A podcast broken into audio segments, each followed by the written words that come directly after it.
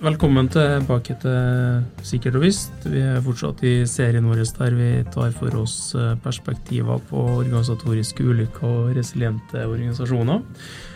I dag har vi kommet til normal accident theory, eller normalulykkesteori. Mm. Hva er normalulykke, Trond? Hva, hva er det her? Nei, det høres jo litt spesielt ut, kanskje. Men eh, det er jo et perspektiv som er på en måte kreditert en som heter Charles Perrow, som da er mm, sosiolog.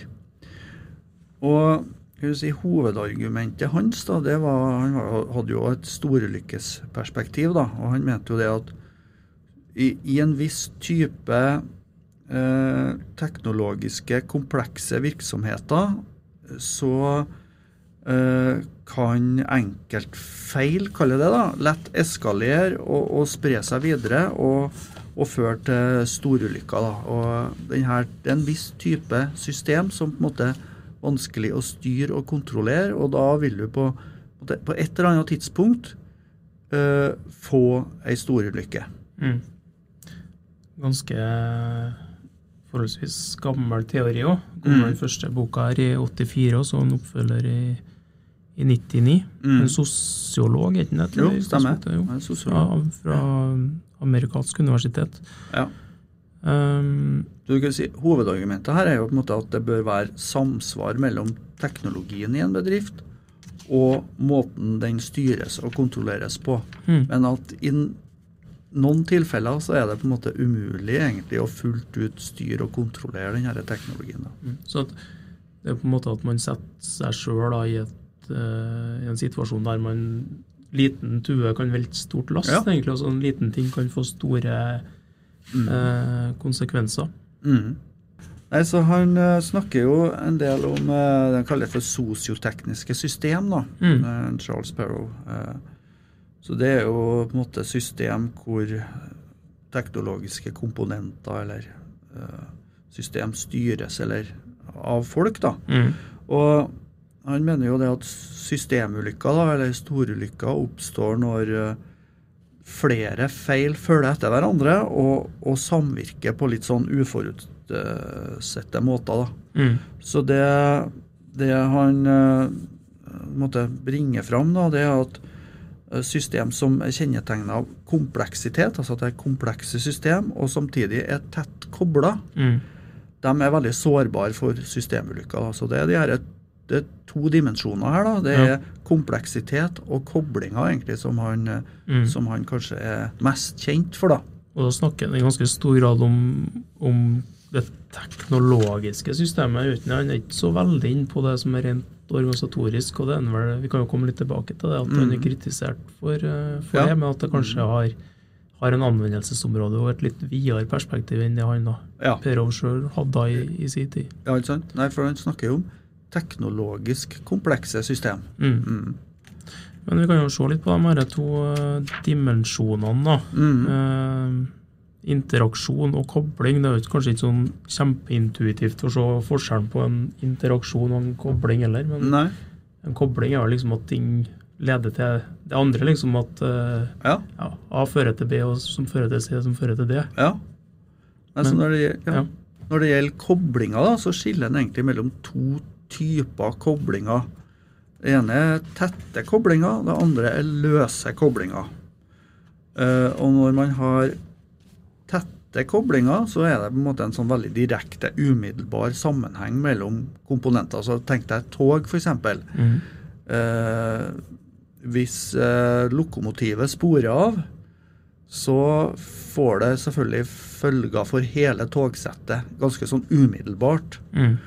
Eh, sånn at i et system der man har tette koblinger, så sprer feil seg raskt, egentlig. Mm.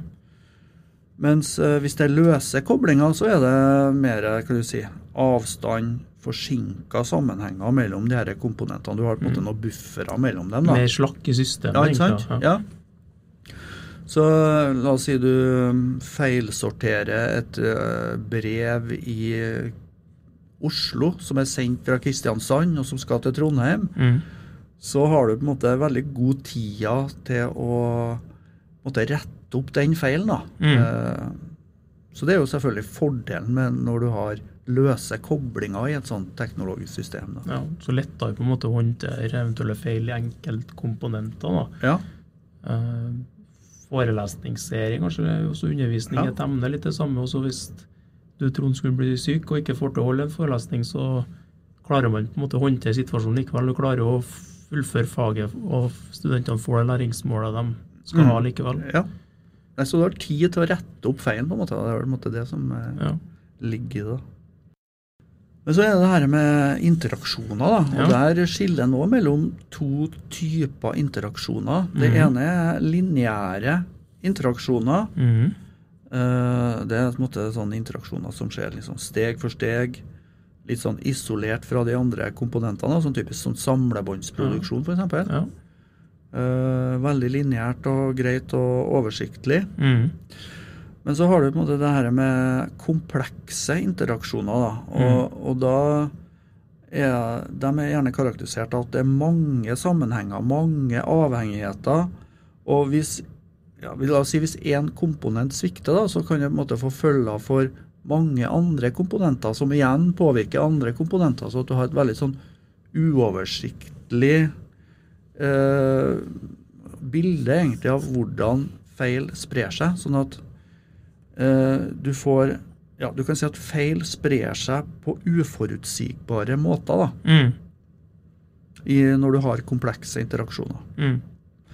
Så, men da er det på en måte når systemet da har både komplekse interaksjoner og det har tette koblinger, det er da Mm. man er i en sårbar situasjon der Ja. eh, små, altså som jeg sa sted, en liten tue kan velte et stort Ja, lass. ja, da, egentlig. Mm. Så da, har, da er du på en måte en situasjon der feil sprer seg kjapt, Ja. og du er i en situasjon der feil sprer seg på uforutsigbare måter. Det er en litt sånn eh, kinkig situasjon å være i da, potensielt. Får litt sånn assosiasjoner til koronasituasjonen her, da. Så finnes finnes jo en pasient null et sted her òg. Ja, Sånn liksom tette koblinger der ting går forholdsvis fort, egentlig, men nå at det er- er komplekse interaksjoner i forstand at altså Det finnes jo folk som ikke vet hvordan de har blitt smitta. mm, Eh, Og så kan man kanskje så, si at det er en del sånn uforutsette interaksjoner for samfunnet, funksjonen til samfunnet pga. Uh, situasjonen som vi har stått opp i de siste et og et halvt året. absolutt. Mm.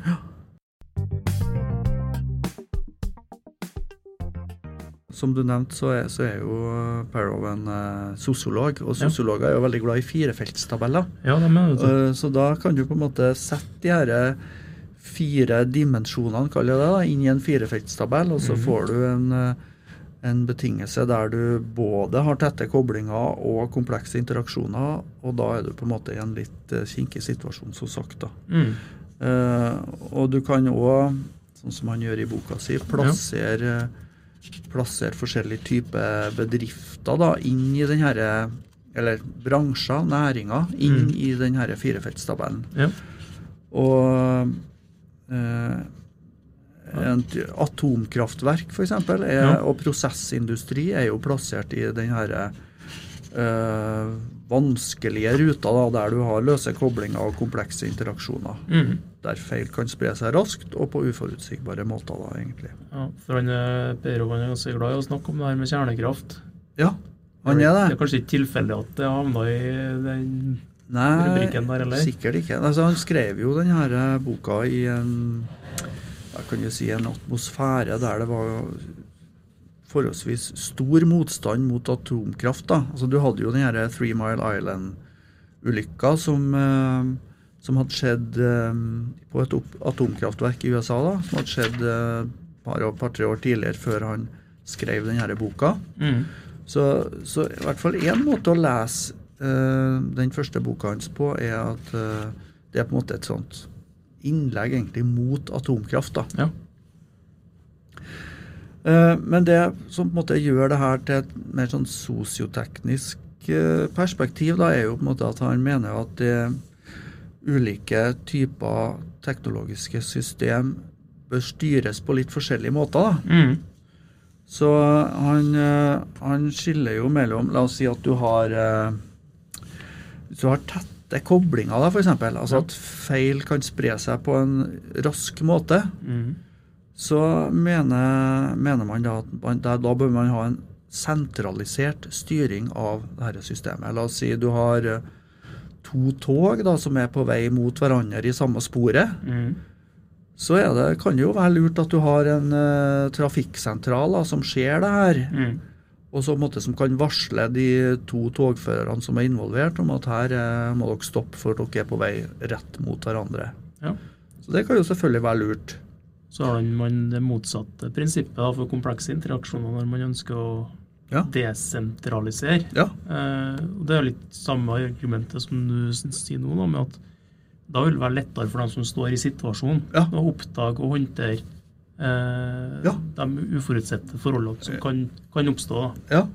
Så når feil sprer seg på uforutsigbare måter, på et, eh, en feil oppstår på et prosessanlegg ute i felt f.eks., Mm. så er det jo lurt at operatørene da får muligheten til å ordne opp i situasjonen. De som på en måte ser hvordan det her her utvikler seg direkte. da. Håndteres på lokalt eh, nivå. Ja. Ja. Så du har på en måte sentralisering og desentralisering Ja. i de to betingelsene. Men det er klart når du har både tette koblinger og komplekse interaksjoner, så er det jo på en måte en situasjon der du egentlig både må sentralisere Ja. og desentralisere. Altså du er jo på en måte, det er jo et paradoks, egentlig. Det går Ja. jo ikke an å få til begge delene, mener Parrow, da. Ja, Det er nesten som valgkamp der. Ja. Så da er du på en måte i en situasjon der eh, Som er rett og slett vanskelig, da. Mm. Men hva gjør man, eh, hva, hva gjør man da? Nei, altså han, han, eh, han Parrow han har jo på en måte òg satt opp noen uh, ulykkesforebyggende strategier, da. Ja. Med bakgrunn i den her fine firefeltstabellen. Mm. Så la oss si at du, er, du har et veldig sånn komplekst system, da. Mm. så må du jo Det er jo ganske innlysende. Du bør jo prøve å redusere graden av kompleksitet. Det er jo på en Ja. måte det generelle rådet som blir gitt. da. Og s- Det kan jo f.eks. være med altså Du kan ha sånn fellesfeil, common failures f.eks., Mm. og redusere omfanget av det, kanskje. ja. Felles eh, Ja.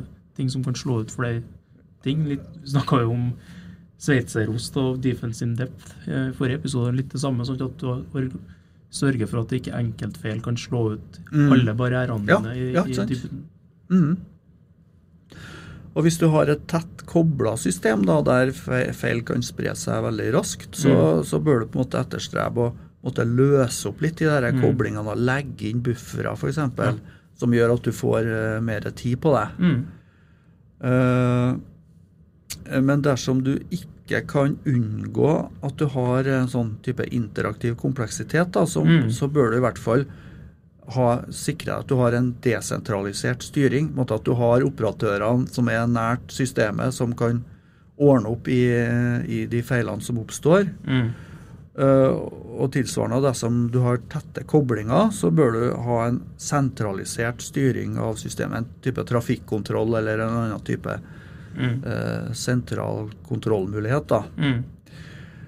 Uh, men så sier, sier man jo også det at hvis du har hvis, du, hvis systemet ditt da på en måte er sårbart for systemulykker, det mm -hmm. si at du har både tette koblinger og komplekse interaksjoner, Mm.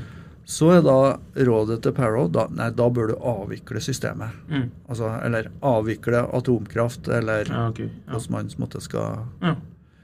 Hvis man ser det som et innlegg mot atomkraft. da. Mm.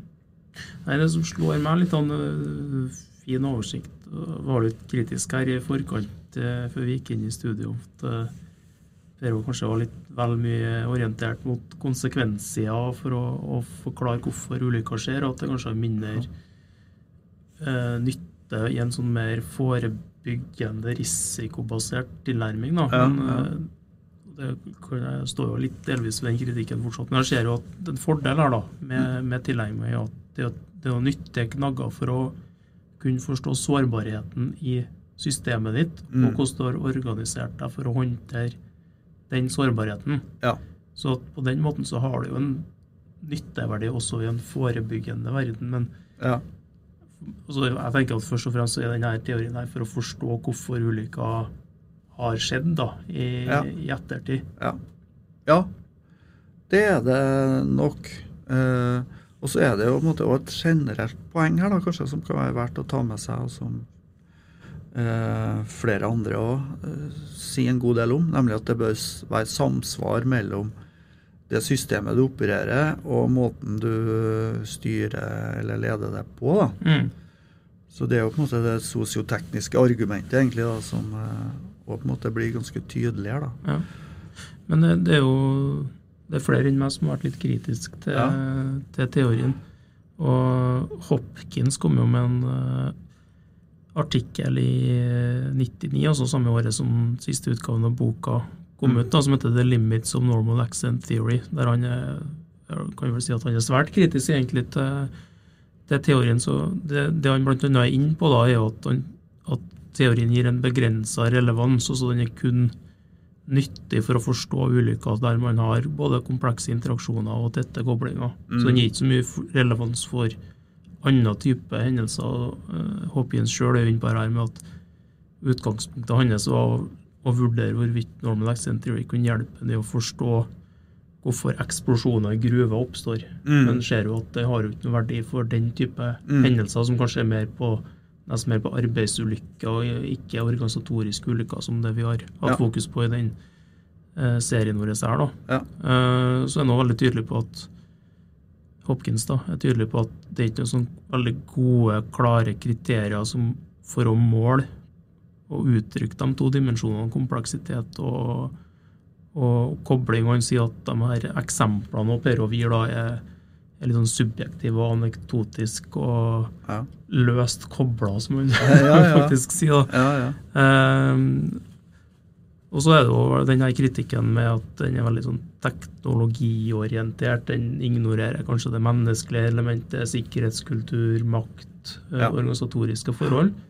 Ja. Og så ikke minst da så er det jo den her kritikken eh, som ikke bare Per Rov har svart på, da, men at det er jo er jo faktisk mulig å være både desentral og sentral i styringa di. Ja. ja. Og det er jo Det skal vi jo inn på i neste episode, men ja. der vi skal se litt på høypålitelighetsorganisasjoner. Altså som ja, En måte å se den, det perspektivet på er at det oppstår som en type motreaksjon da, mot det her, kan du si, litt pessimistiske, deterministiske synet på den type teknologiske system. da. Mm. Eh, Det finnes jo eksempel på at man har det man kan kanskje kalle tett kobla eh, komplekse system som allikevel unngår Mm. storulykker. Mm. Og du finner eksempel på òg løst kobla system som, der det oppstår mye ulykker. Ja. Altså Du nevnte jo gruvedrift. Det, det har jo vært veldig ulykkesutsatt eh, opp gjennom årene, men Så at, du kan si teorien stemmer kanskje ikke helt med terrenget, da.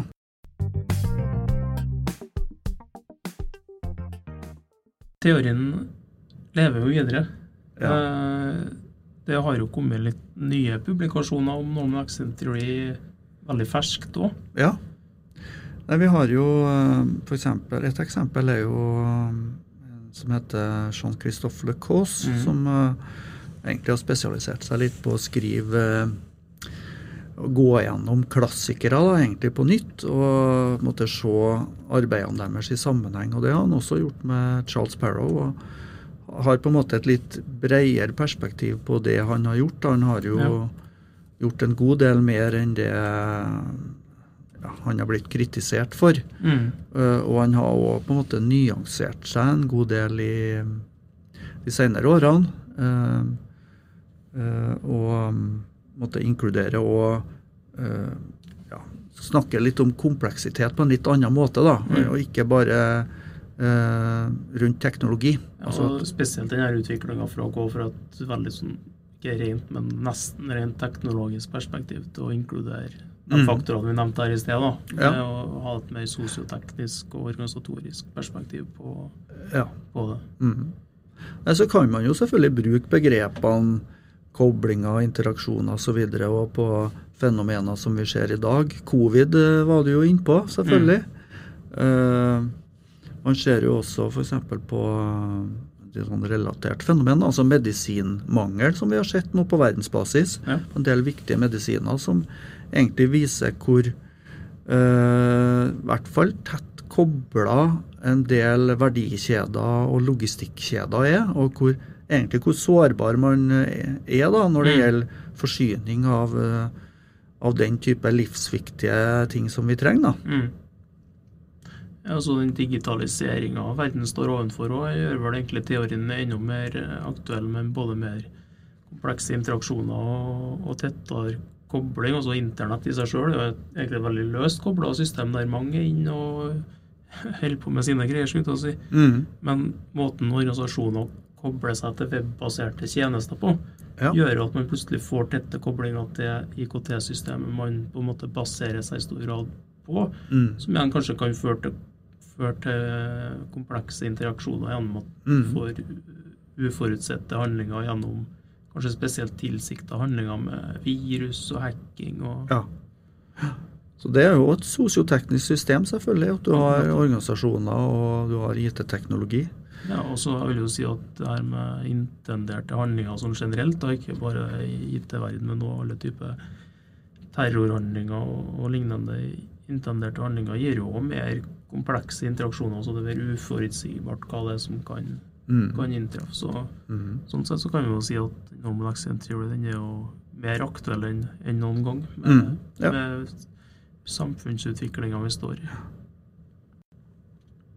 Nei, så Vi kan jo på en måte kanskje avrunde med det at uh, sjøl om uh, det har vært mye kritikk mot uh, dette perspektivet, så, så er det jo også noen begrep her da, som på en måte er, er nyttig å ha med seg. Eh, og, og I forhold til Le Cause og den artikkelen han har skrevet, så, så sier jo han også at eh, altså det her normalbegrepet som Parrow har brukt, har, har på en måte nå bevega seg litt også på, for Parrow. Da, Ja. at eh, det handler ikke bare om teknologi, men, men altså at uh, det handler også om organisasjon, ledelse, Uh, og kanskje også regulering. da, Altså at det er normalt at feil også skjer på de nivåene. Mm. Og det gjør jo at perspektivet får enda større verdi innenfor den six perspectives-tenkinga som vi er nå. Sånn at det løfter seg litt fra bare å være et rent teknologisk fokus til at man nå tar inn et større, videre Ja. perspektiv. Absolutt. Men da er vi tilbake i neste uke med en, det er nesten en forlengelse av denne episoden. her da, For det er jo egentlig et motsvar mot uh, noe av den kritikken som har vært mot Normal Accent Theory når vi skal snakke om høypålitelige organisasjoner. HRO, som det ofte populært kalles. Mm. Nei, men eh, takk Nei, men, for i dag. Og takk for en fin prat, Erik. Jo, likeens. Og ikke forhånd holdes, verken du eller våre kjære lyttere. Takk for det. Takk for nå.